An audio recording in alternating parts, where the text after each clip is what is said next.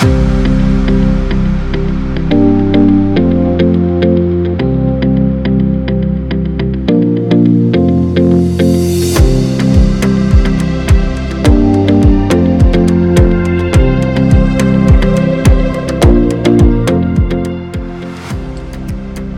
סף מספר 105, ואנחנו שבים ומארחים את uh, ידיד הפודקאסט, את uh, האלוף במילואים גרשון הכהן, והתכנסנו כאן uh, אחרי שגרשון כתב מספר מאמרים שעוסקים במשילות, בין השאר אפרופו מה שראינו וחווינו עם הנטיעות בנגב וההתקוממות של הבדואים. גרשון, ערב טוב. ערב טוב.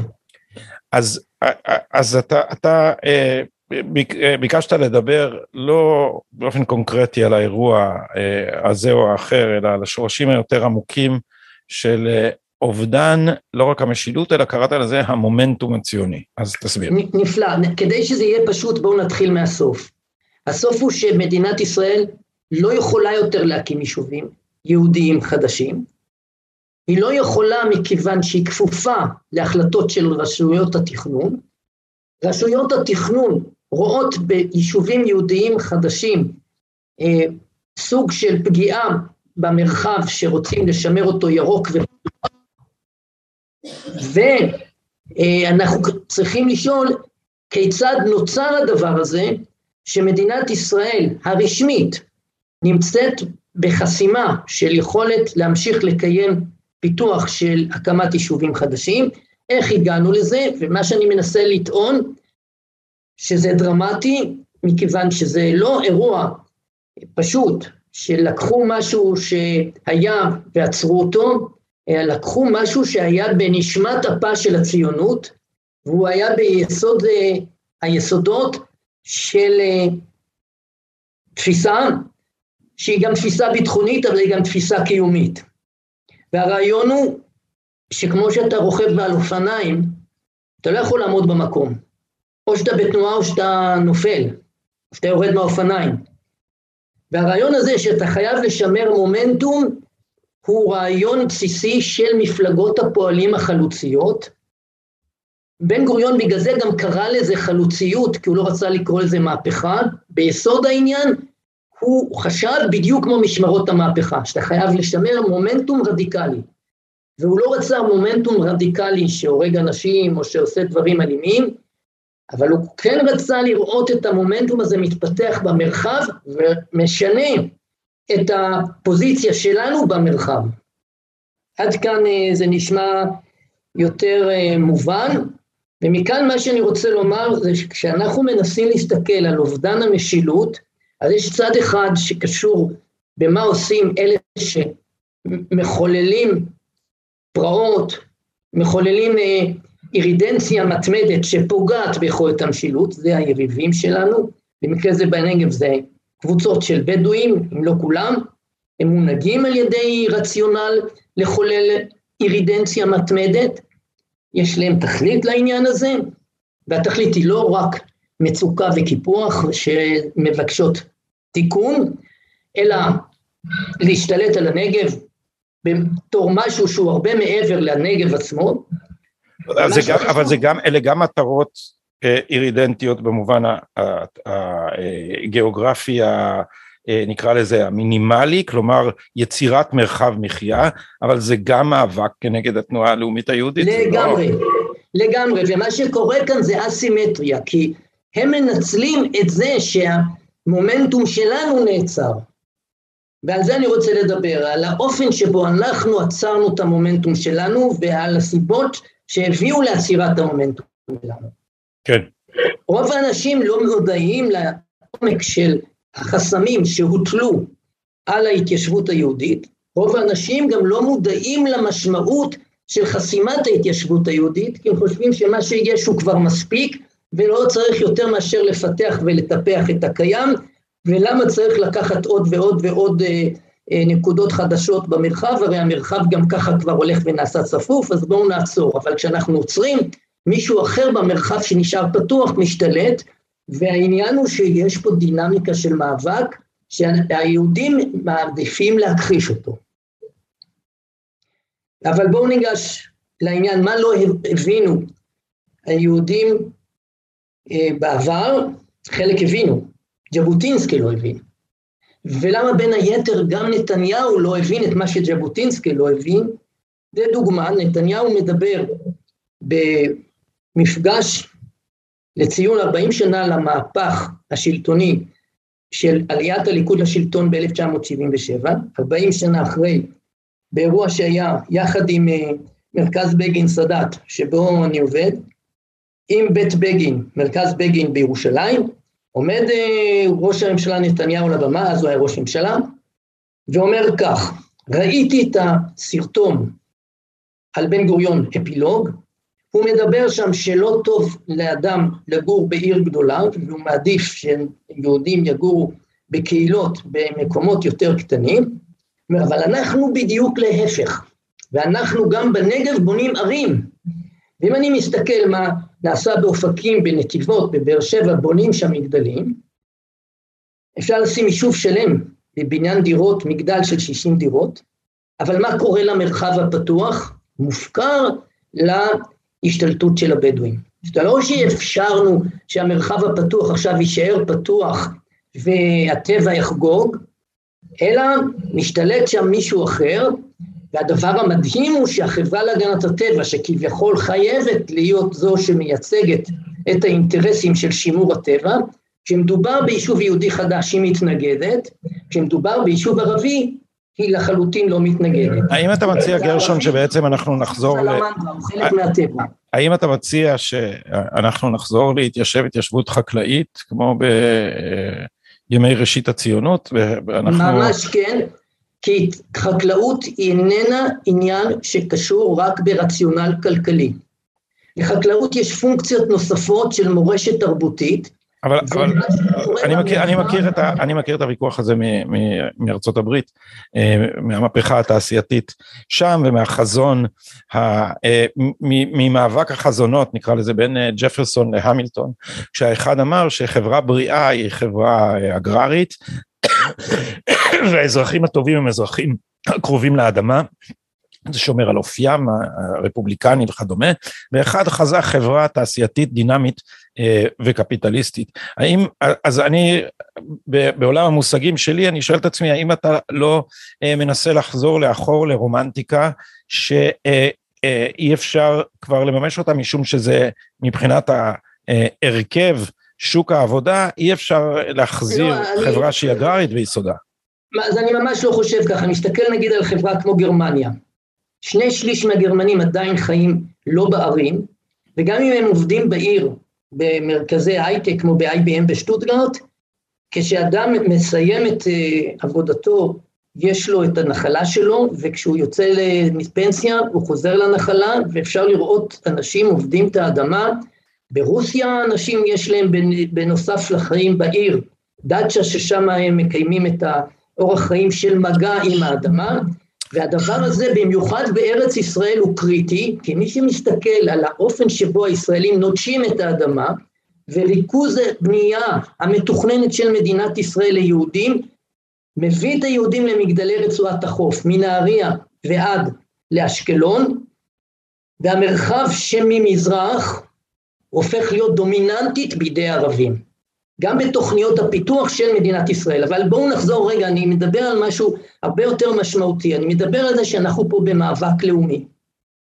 אנחנו לא נמצאים במצב שמלחמת העצמאות הסתיימה ועכשיו איש לא עליו מנוחה ונחלה, בתפיסת עולמי אין מנוחה ונחלה, יום יום יש מאבקים חדשים, ובמרחב שאתה משאיר פתוח יש מציאות של מישהו אחר מנצל את היותו פתוח, מנצל את היעדרו של יהודי שיש לו עניין במרחב, והוא, כשהוא מתיישב שם, זה לא רק מכיוון שהוא מממש זכויות ילידיות, אה, כי הוא עדיין נמצא בקשר אחר לאדמה והוא רוצה להיות שם, אלא הוא גם מממש סוג של מאבק שקשור באחיזה במרחב. בסוף, הצירים לא יכולים להישאר פתוחים אם הם לא נמצאים בשליטה גם של יהודים אזרחים, והצבא לכשעצמו הוא חוליה חלשה, והמשטרה היא קטנה, יהודים במרחב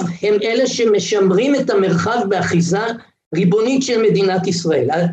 האזרח במקומו כחקלאי, במאבקו על החלק שלו באדמה, הוא זה שמזמין את המשטרה, הוא זה שמזמין את המדינה להתערב, אם הוא לא שם, אין מי שמתערב, וכשהמשטרה מנסה להתערב זה מאוחר מדי. זאת אומרת, הנוכחות היא קריטית, אנחנו במאבק, את המאבק הזה מדינת ישראל מנסה להכחיש. אבל אני מדבר על משהו יותר מזה. אני מדבר על זה שמציאות מחייבת תנועה, מחייבת אנרגיה. אה, היציבות היא אשליה בורגנית, כי מי ישים כסף בבנק אם הבנק מחר יכול להיעלם. אבל למעשה, מה שמייצר את אשליית היציבות זה אקוויליבריום, סוג של שיווי משקל של כוחות במאבק. ועל המרחב הזה מתקיימת מערכה שבה נאבקים העם היהודי עם האחרים שטוענים לילידיות במרחב הזה, וכשאנחנו מסבירים שאנחנו כבר לא חיים מאדמה, ויש לנו את ההייטק שלנו, ויש לנו את המרחב, את הרשתות שבהן אנחנו פועלים, שלא זקוקות למרחב, אנחנו פשוט מאבדים אחיזה במרחב. ומה עוד חשוב מאוד?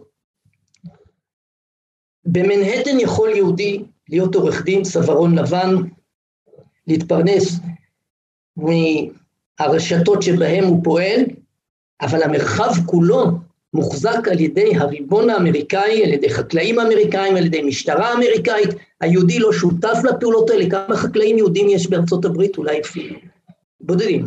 כמה חקלאים אמריקאים? יש 2% מהאוכלוסייה, זה, זה אחוז זעיר מאוד.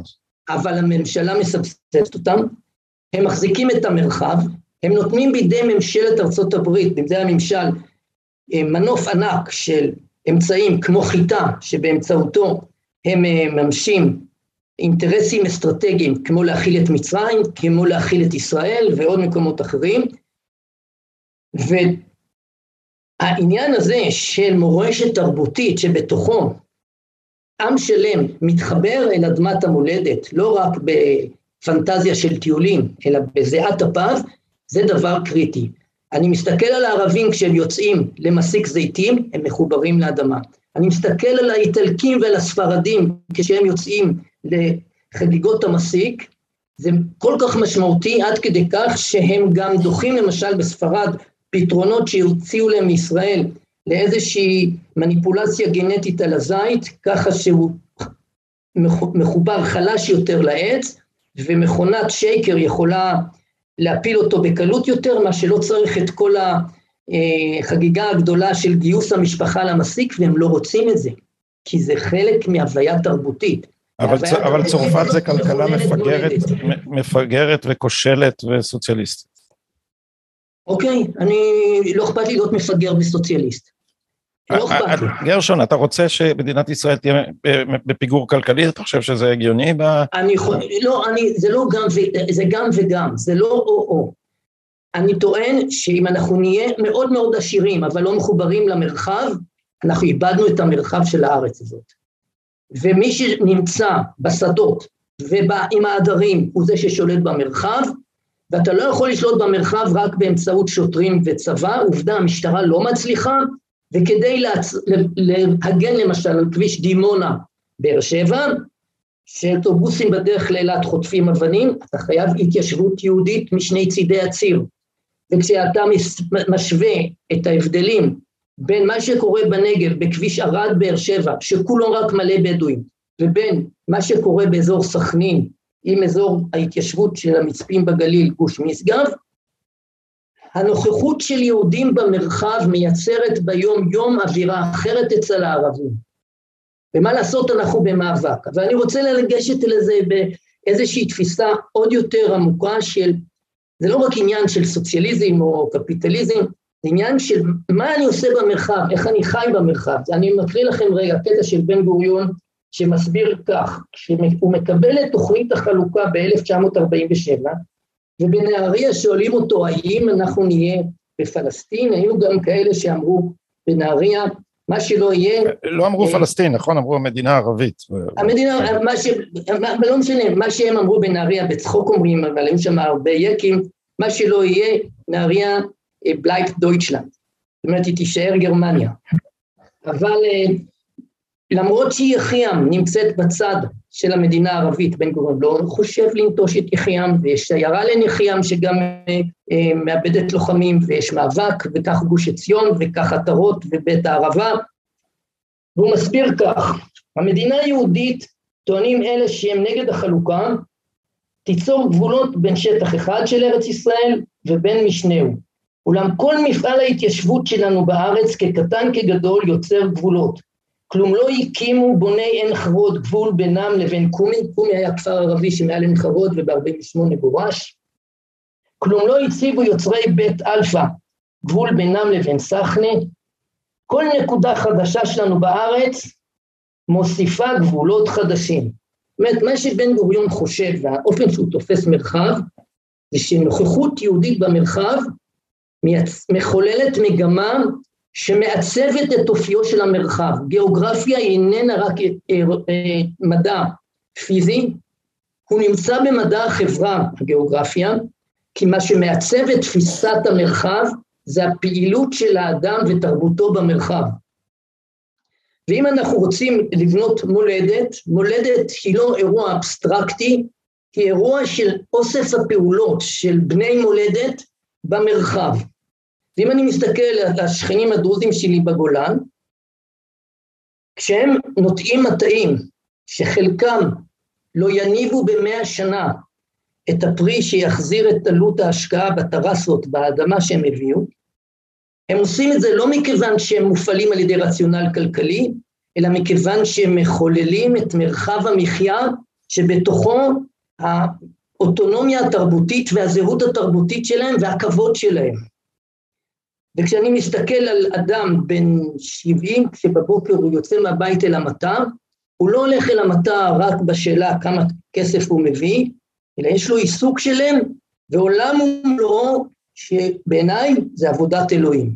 ועבודת אלוהים איננה נבחנת ברציונל כלכלי. הרעיון שכל הפעילות האנושית מוכתבת לרציונל כלכלי, זה רעיון עגל הזהב. זאת אומרת, לומר, אין לנו רציונל מעבר תביא לי תוכנית עסקית. אבל אני רוצה לומר עוד משהו בעניין הזה. אבל סליחה, רק הסתייגות אה, קלה.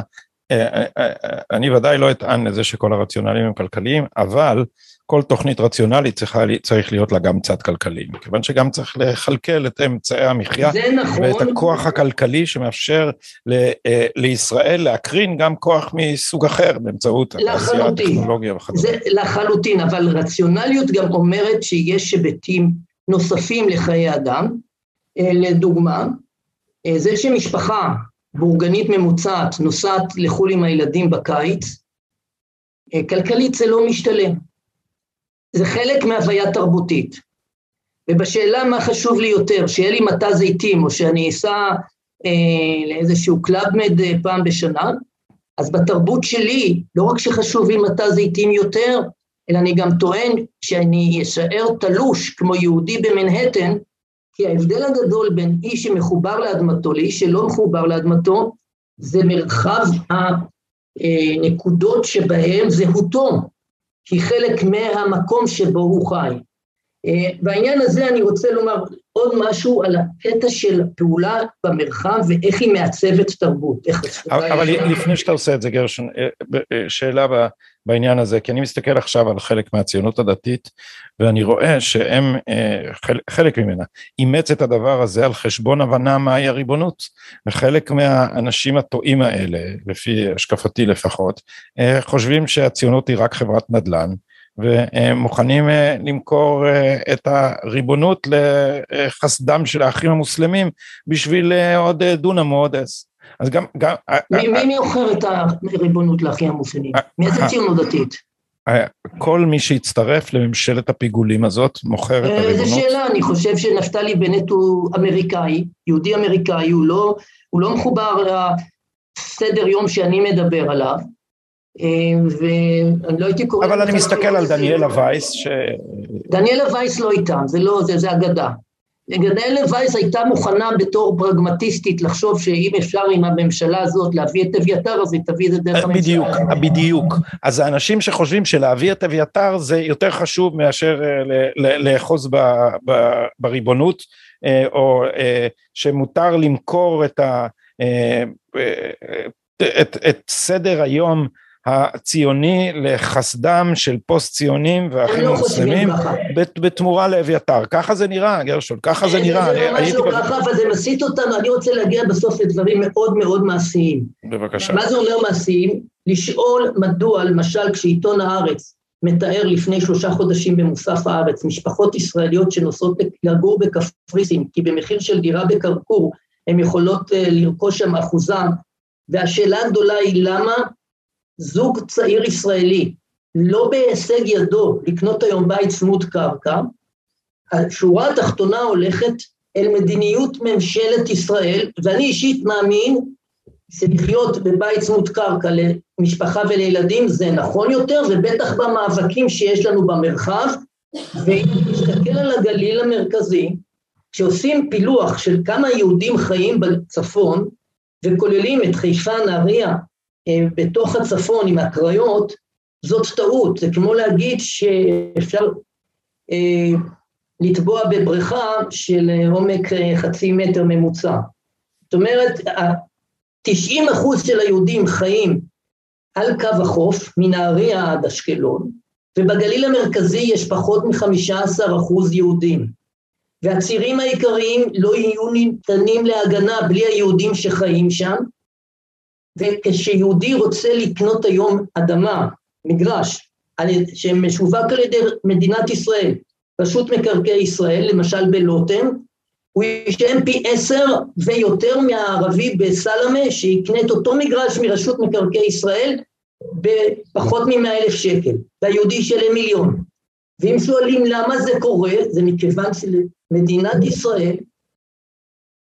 יש אינטרסים חדשים בלי שהודיעו לנו על האינטרסים החדשים האלה, ולטענתי הם פוגעים אנושות בקטר הציוני שהוא, שהוא המומנטום של הציונות והוא ההתיישבות.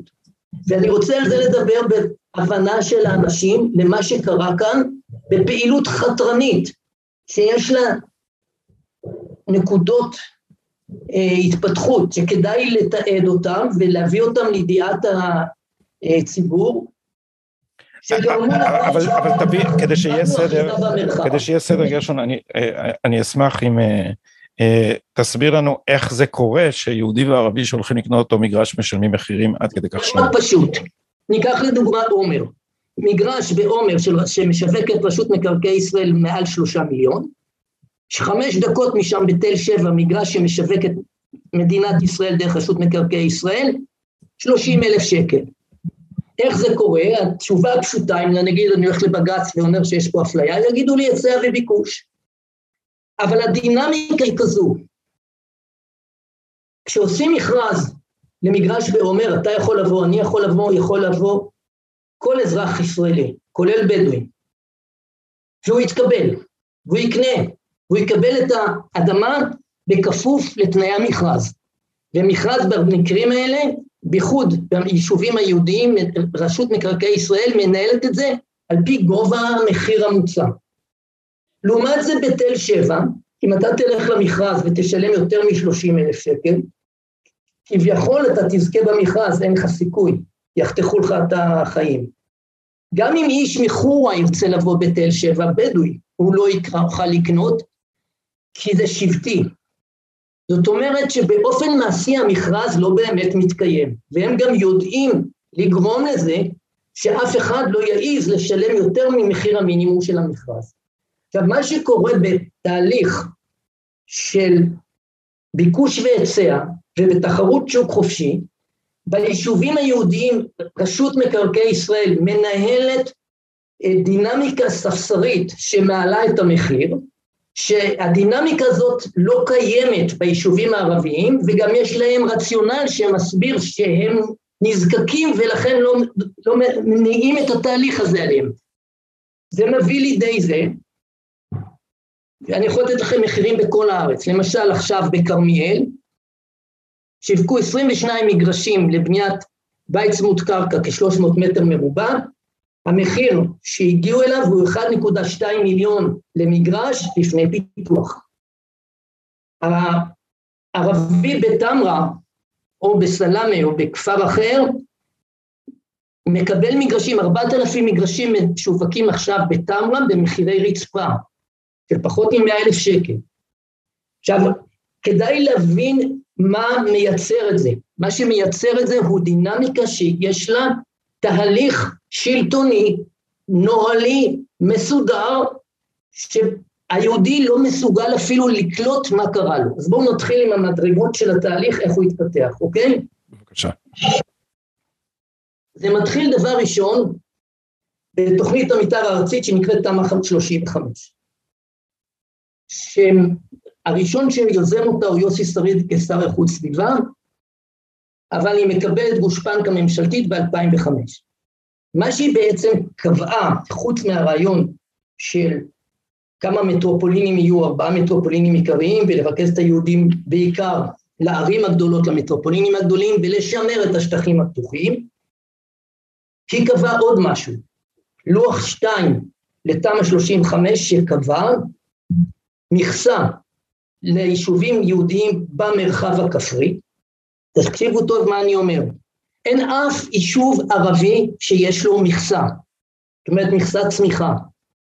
יישובים יהודיים במרחב הכפרי לכולם נקבעה מכסה שהם לא יכולים לפרוץ אותה.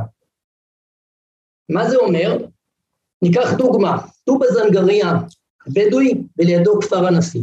ב-1955 בשניהם 200 בתי אב.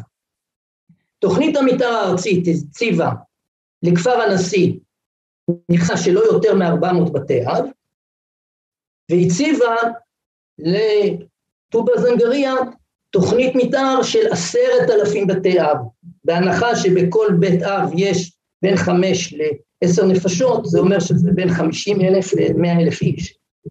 עכשיו, ההבדל הוא נוסף, זה לא רק שפה עשרת אלפים ופה ארבע מאות, הוא בזה שלכפר הנשיא זאת מכסה שאי אפשר כמעט לפרוץ אותה, וצריך תהליכים תכנוניים אה, קשים ביותר כדי לפרוץ אותה, בעוד שלכפר אה, הבדואי, טובא זנגריה, התוכנית תהיה לעשרת אלפים, ואם יצטרכו, אין חסם להרחבה. ניקח את סכנין עראבה, הופקדה עכשיו תוכנית חדשה על ידי שרת הפנים, באישורה, תוכנית שמקדם המחוז הצפוני של רשות התכנון, מגדילים את עראבה, סכנין, מ-120 אלף איש ל-250 אלף איש. מה שאומר שמורידים יערות, שיישובים יהודיים כמו אשבל ואשחר יהיו מובלעות בתוך עיר ערבית גדולה, וכך תוכניות מתאר מקודמות, בעיקר ליישובים הערביים, ומוטלות סנקציות קשות על תכנון ליישובים היהודיים. עכשיו, למה זה אירוע חתרני? יסודו של אירוע חתרני הוא בזה שהוא מוכר לאנשים רעיון שעל פניו אי אפשר להתנגד אליו, הוא נראה חיובי ביותר, כמו הרעיון של בואו נשמר את השטחים הפתוחים ולא נהפוך את כל הארץ לשלמת בטון ומלט, מי נגד? והחתרנות היא בזה שהתוצאה המתפתחת מובילה למשהו שאם היו מבינים לאן זה מגיע, לא היו נותנים לזה יד. אבל כשזה כבר שם, קשה מאוד להחזיר את הגלגל אחורנית. וגם השרה, איילת שקד, שרת הפנים, מנסה לפרוץ את החסמים, והיא מתקשה מאוד. ניקח יישוב כמו יודפת, שהגיע ל-400 במכסה, יש שם בני אה, יודפת שרוצים לגור, והם לא יכולים, כי המכסה חוסמת אותם.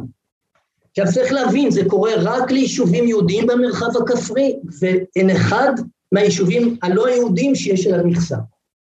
הדבר השני הוא ועדות הקבלה.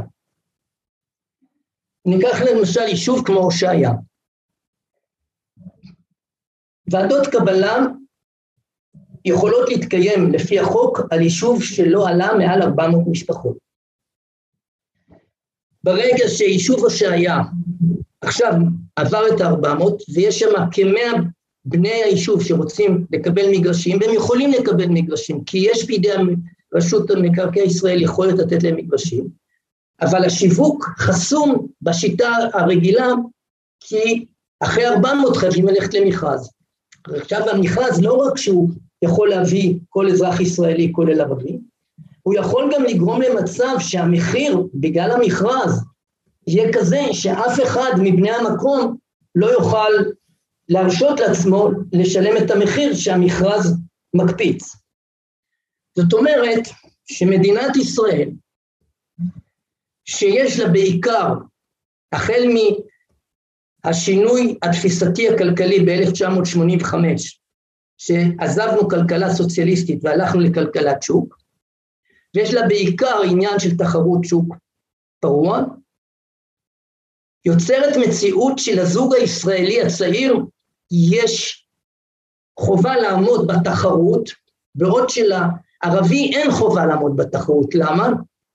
כי חלק גדול מהמכרזים בכפרים הערביים, מכרזים של רשות התכנון, של רשות מקרקעי ישראל, כתוב שם לבני המקום, לבני הכפר. זאת אומרת, האיש מברטה לא יקנה בערה, ולהפך. כי הם גם יודעים לגרום שזה לא יקרה. זאת אומרת... באמצעים לא חוקיים ואלימים בחלקם.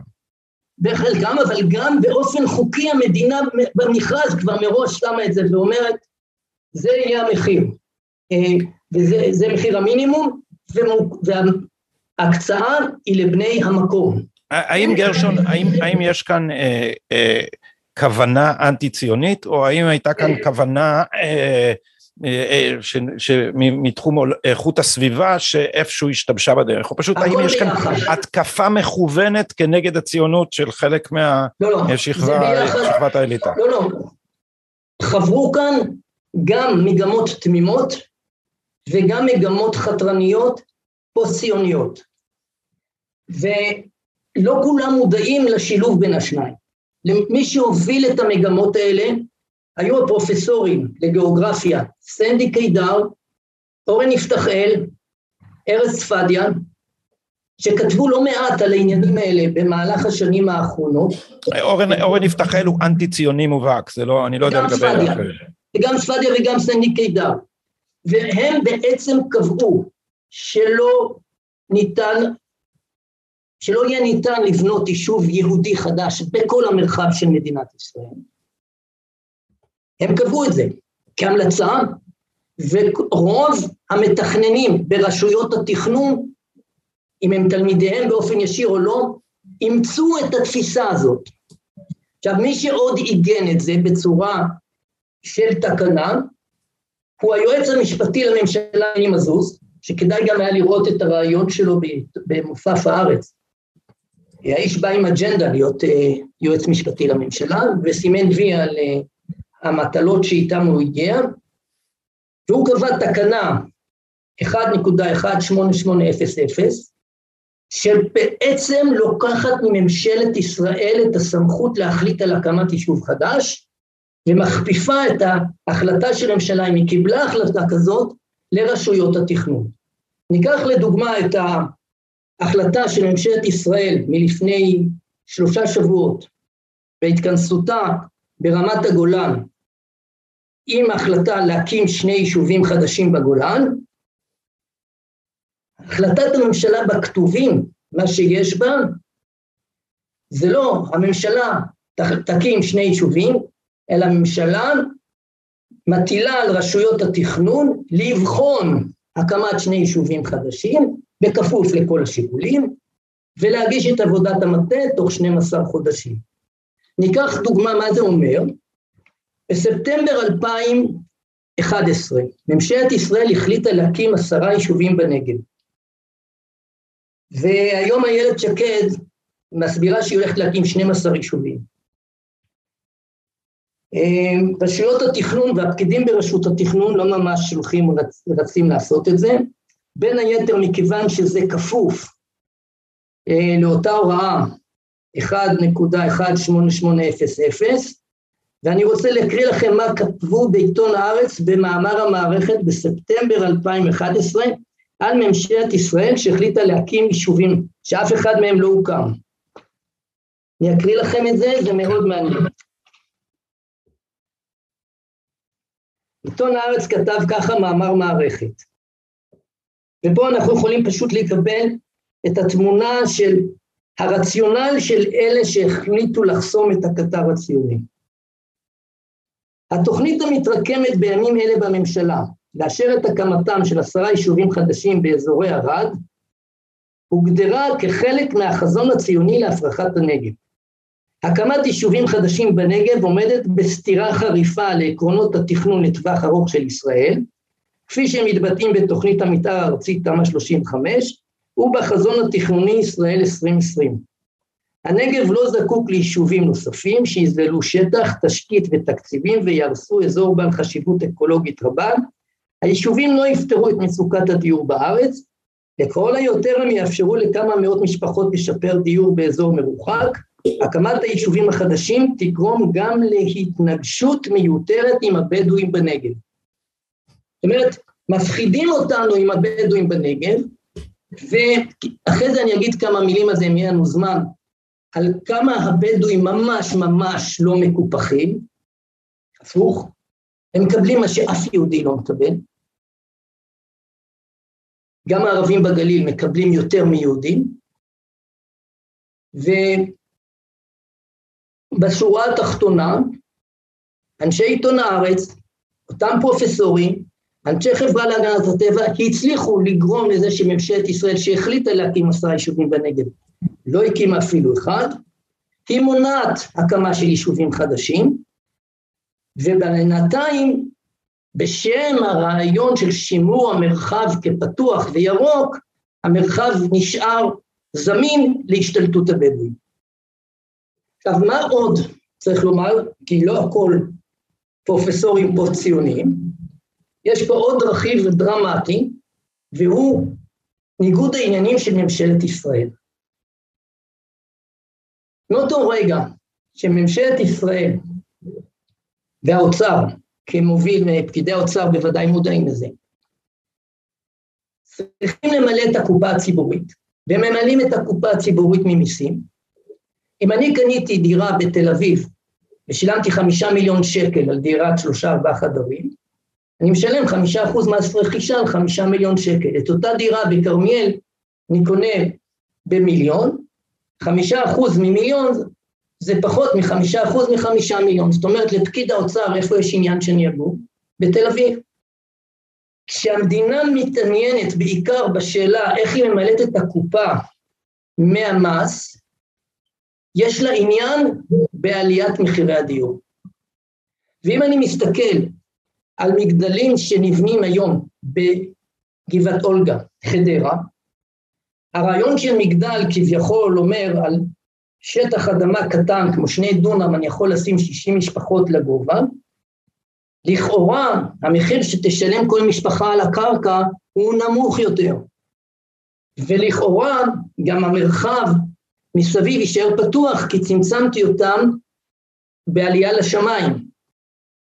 אם בוחנים כמה עלות הקרקע לכל דירה, נורא פשוט לבחון את זה, מאותו רגע שהקרקע משווקת ליזמים במכרז, והיזם יודע שבין חדרה לתל אביב יהודים יקנו, המחיר שהוא משלם מגיע למצב שמחלק את מחיר הקרקע שהוא שילם לרשות המקרקעין ל-60 דירות, זה בערך 800 אלף שקל לדירה, רק מחיר הקרקע. ואת זה משלם זוג צעיר ישראלי, שבעצם הפך לפרה שמתחברים אליה להטינים, והמדינה נהנית מהמוכנות שלו לשלם ומהצייתנות שלו. עכשיו, בית צמוד קרקע הוא זול יותר, והמדינה עושה הכל כדי שהוא יהיה יקר. אם מסתכלים על עיתון הארץ, דה מרקר של השבת, תיארו את המתרחש בשדה בוקר, אישה עמידה שקנתה בשדה בוקר בית צמוד קרקע בשלושה וחצי מיליון, ואם שואלים למה, עניין של היצע וביקוש. המוצר שקוראים לו בית צמוד קרקע הוא בחיסרון גדול, חיסרון מכוון על ידי רשות מקרקעי ישראל, על ידי גורמי התכנון ועל ידי משרד השיכון אה, של האגף להתיישבות כפרית. ובהיצע וביקוש, מי שיש לו כסף מעלה את המחיר. במקום שמאה משפחות יהיו עכשיו בהמתנה להצטרף ליישובי הר הנגב, היה אפשר להביא עשרת אלפים משפחות, וזה היה משנה את שיווי המשקל הדמוגרפי במרחב. בסוף הנוכחות מייצרת אמירה.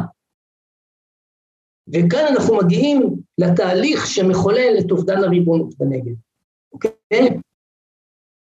זאת אומרת, זה לא רק פוסט-ציונות, זה גם האינטרסים הכלכליים של ממשלת ישראל, ובהיבט הזה ממשלת ישראל של בן גוריון רצתה להעביר את היהודים מגוש דן ולעשות פיזור במרחב, פיזור אוכלוסייה, מה שנכון גם לאור איומי גרעין איראני. הרי לא יכול להיות שאנחנו מדברים על איומים כמו רקטות מחיזבאללה, מחמאס, מאיראן, מעיראק, וגם הופכים את עצמנו למטרה שכולה מרוכזת על שטח כל כך קטן. אבל ממשלת ישראל, בניגוד עניינים שלה, שהיא בעיקר מוכוונת על ידי הרצון למלא את הקופה הציבורית במיסים, נוח לה הריכוז הזה. אז אה, מה אתה מציע שנעשה? מה, לו הדברים בידיך, מה היית, איך היית מחולל אני הייתי רוצה התקוממות של צעירי ישראל, לשאול שאלות, לא רק למה הם משלמים כל כך הרבה, אלא גם למה האופציה לגור בבית צמוד קרקע היא רק לעשירים, וזה לא רק שהם לא יכולים למצוא בית צמוד קרקע במחיר סביר. היישובים עצמם, אם מסתכלים על גוש משגב, כולל יישובי רמת הגולן, כולל יישובי עמק יזרעאל, הם יישובים שאיבדו את הרב-דוריות. גני ילדים נסגרים, הולכים ונסגרים, השנתונים הולכים ויורדים של הילדים, מסיבה נורא פשוטה. כי אם המשאב של בית צמוד קרקע הוא במחסור, ובית צמוד קרקע עולה כשלושה מיליון שקל, את זה יכולה להרשות לעצמה משפחה שכבר התבססה, זה אומר הילדים כבר בגיל בית ספר יסודי תיכון, זאת אומרת שאם הם באים עכשיו לגור בקורנית, או באחד היישובים, יובלים, יעד, אחד היישובים בגוש משגב, הם באים לתקופה מסוימת, הילדים שלא יכולים להמשיך לגור שם הולכים לתל אביב, ההורים הולכים בעקבותיהם לתל אביב ומוכרים את הבית במחיר של 4 מיליון שקל, וחוזר חלילה, זה לא יישוב, זה פרבר נדל"ני. כדי להקים יישוב צריך לשאול בין היתר האם ליהודים, בין אם זה בבית השיטה עין חרוד, מרגליות אביבים, או יובלים במשגב, יש זכות כשיש לערבי לאיזושהי הנחה של בן מקום ולאיזשהו אינטרס של המדינה ליצור כפר יהודי שיש בו רב דוריות.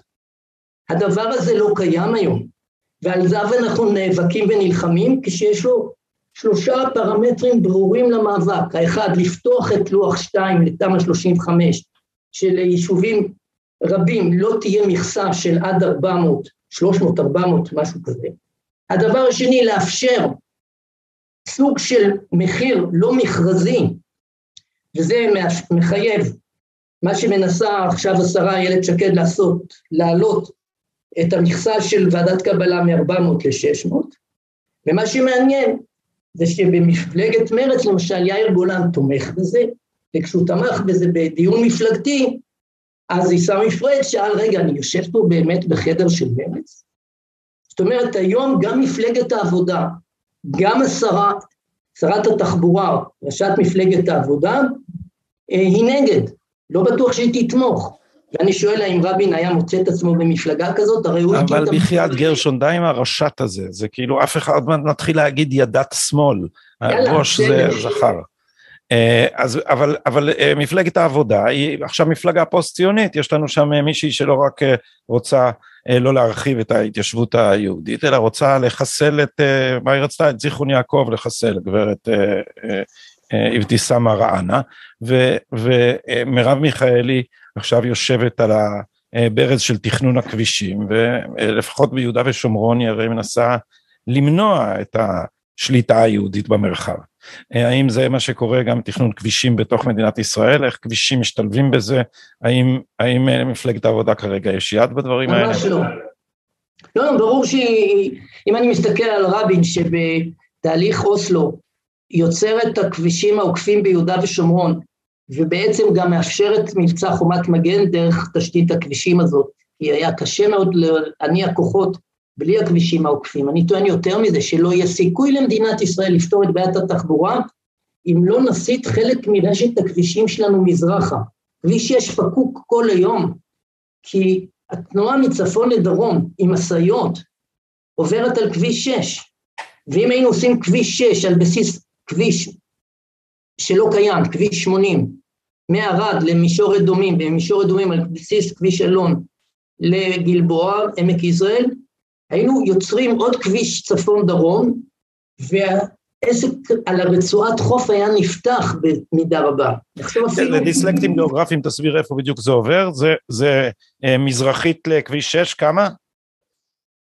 40 אה, קילומטר, 10 קילומטר מזרחית, 20 קילומטר מזרחית לירושלים, ופשוט נחשוב על משהו אחר. נניח שמחר פורץ שלום, ומשאית מסוריה רוצה להגיע למצרים, מה שהיה במשך כל התקופה הקלאסית, התנ"ך, אה, דרך הים הגדולה.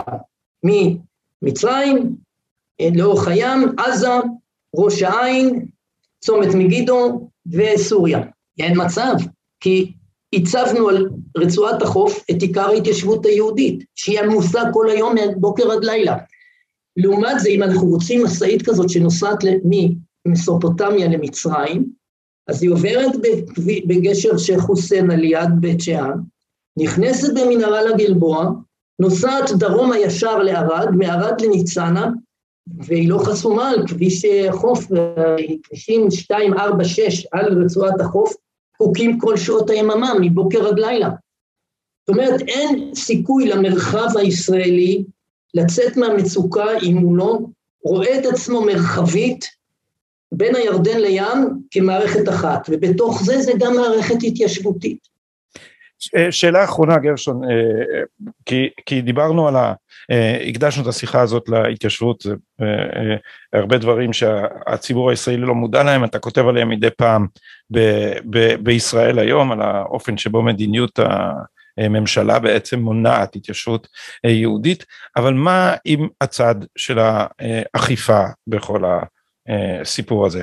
יש לנו בכל זאת משטרה פרוגרסיבית, שאתה יודע, אני קראתי בטור של דן שפטן היום, הייתה הבדיחה לא, הזאת, כן. שהייתה התנגשות בין המשטרה לבדואים, והבדיחה אומרת שהמשטרה הצליחה להימלט בשלום. אז האם לא בכל זאת, מאחורי שאלת ה... אה, אה, השתלטות על הנגב, נמצאת שאלת האכיפה המשטרתית, ואם לא גם כאן אנחנו איבדנו את הרצון למשילות ולא רק את האמצעים למשילות. אה, איבדנו את הרצון כי, כי באיזושהי צורה במודע או שלא במודע אנחנו מכחישים את המאבק. יש פה מאבק איתנים, לא השאלה האם הבדואי יקבל את המגיע לו כאזרח מדינת ישראל, אלא האם הבדואי כיליד מגיע לו כל הנגב. כי אם מישהו בוחן מה באמת עשתה מדינת ישראל בהצעות שלה לבדואים, ולמה הבדואים דחו את ההצעות האלה, זה לא רק בגלל שמדינת ישראל וממשלות ישראל לא החליטו לממש את ההחלטות שלהם, אלא שיש כאן מאבק שנוח לנו לראות אותו כמאבק שנובע ממצוקה, שאם תשפוך כמה מיליארדים אתה אה, מביא אותה לפתרון, אלא יש פה מאבק לאומי לחלוטין.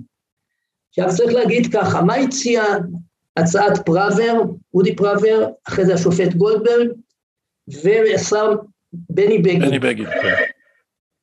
הם הציעו להם דבר שלא הציעו לאף יהודי. אם נגיד היום יש יהודי בכפר בילו, חבר קיבוץ ברמת יוחנן שעוקרים לו את המטע בשביל לבנות, הוא מקבל מרשות מקרקעי ישראל פיצוי זרום על כל דונם.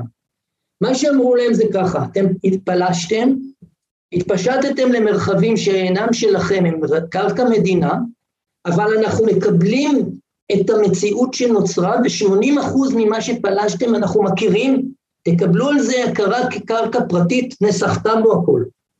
20 אחוז אנחנו לא יכולים לקבל, כי זה כבישים ראשיים, זה מסילות ברזל, אמצעים נחוצים לתשתיות. אנחנו נפנה אתכם, תקבלו פיצוי וניתן לכם קרקע חליפית. והם דחו את זה. כשבני בגין מסיים את ישיבת הממשלה שהסכימה לתוכנית הזאת, הוא רץ לדבר עם ה... לדווח לשגרירי האיחוד האירופי, כאילו אנחנו עובדים אצלם, הנתינים שלהם. כי Human Rights Watch וכל הדואגים לזכויות אדם רואים אותנו כקולוניאלים ואותם כילידים, ואנחנו צריכים לגיטימציה.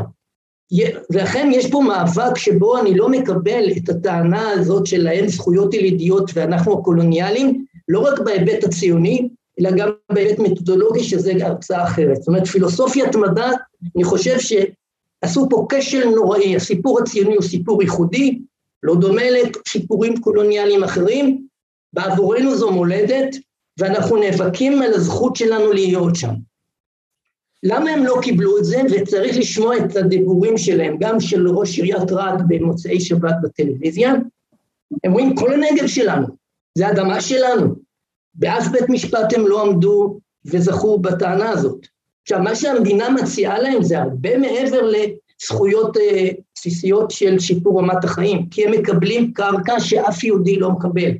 כדי, אם אתה היום רוצה לגור בנגב, ברתמים ובשדה בוקר, אתה תחכה חמש שנים בתור, תשלם מעל מיליון שקל לחצי דונם, בביר הדאג' אתה יכול לקבל בתוכנית מתאר שלושה דונם, או דונם, תקבל בין 150 ל-250 אלף שקל מענק לבנות בית, אף חייל ישראלי משוחרר לא מקבל תמיכה כזאת, והם עוד טוענים שהם מקופחים, אבל הם יעשו הכל כדי לא לקבל את ההצהרות, כי הם רוצים לשמר את טענת הקיפוח. אה, גרשון הכהן, אה, אני מודה לך על השיחה הזאת, תם ולא נשלם, אה, ואנחנו נשוב ונתכנס לראות מה, מה, מה קורה עם שאלת המשילות בעוד אספקטים שלה, שעליהם לא הספקנו לדבר היום, אני מודה לך על השיחה הזאת. תודה רבה.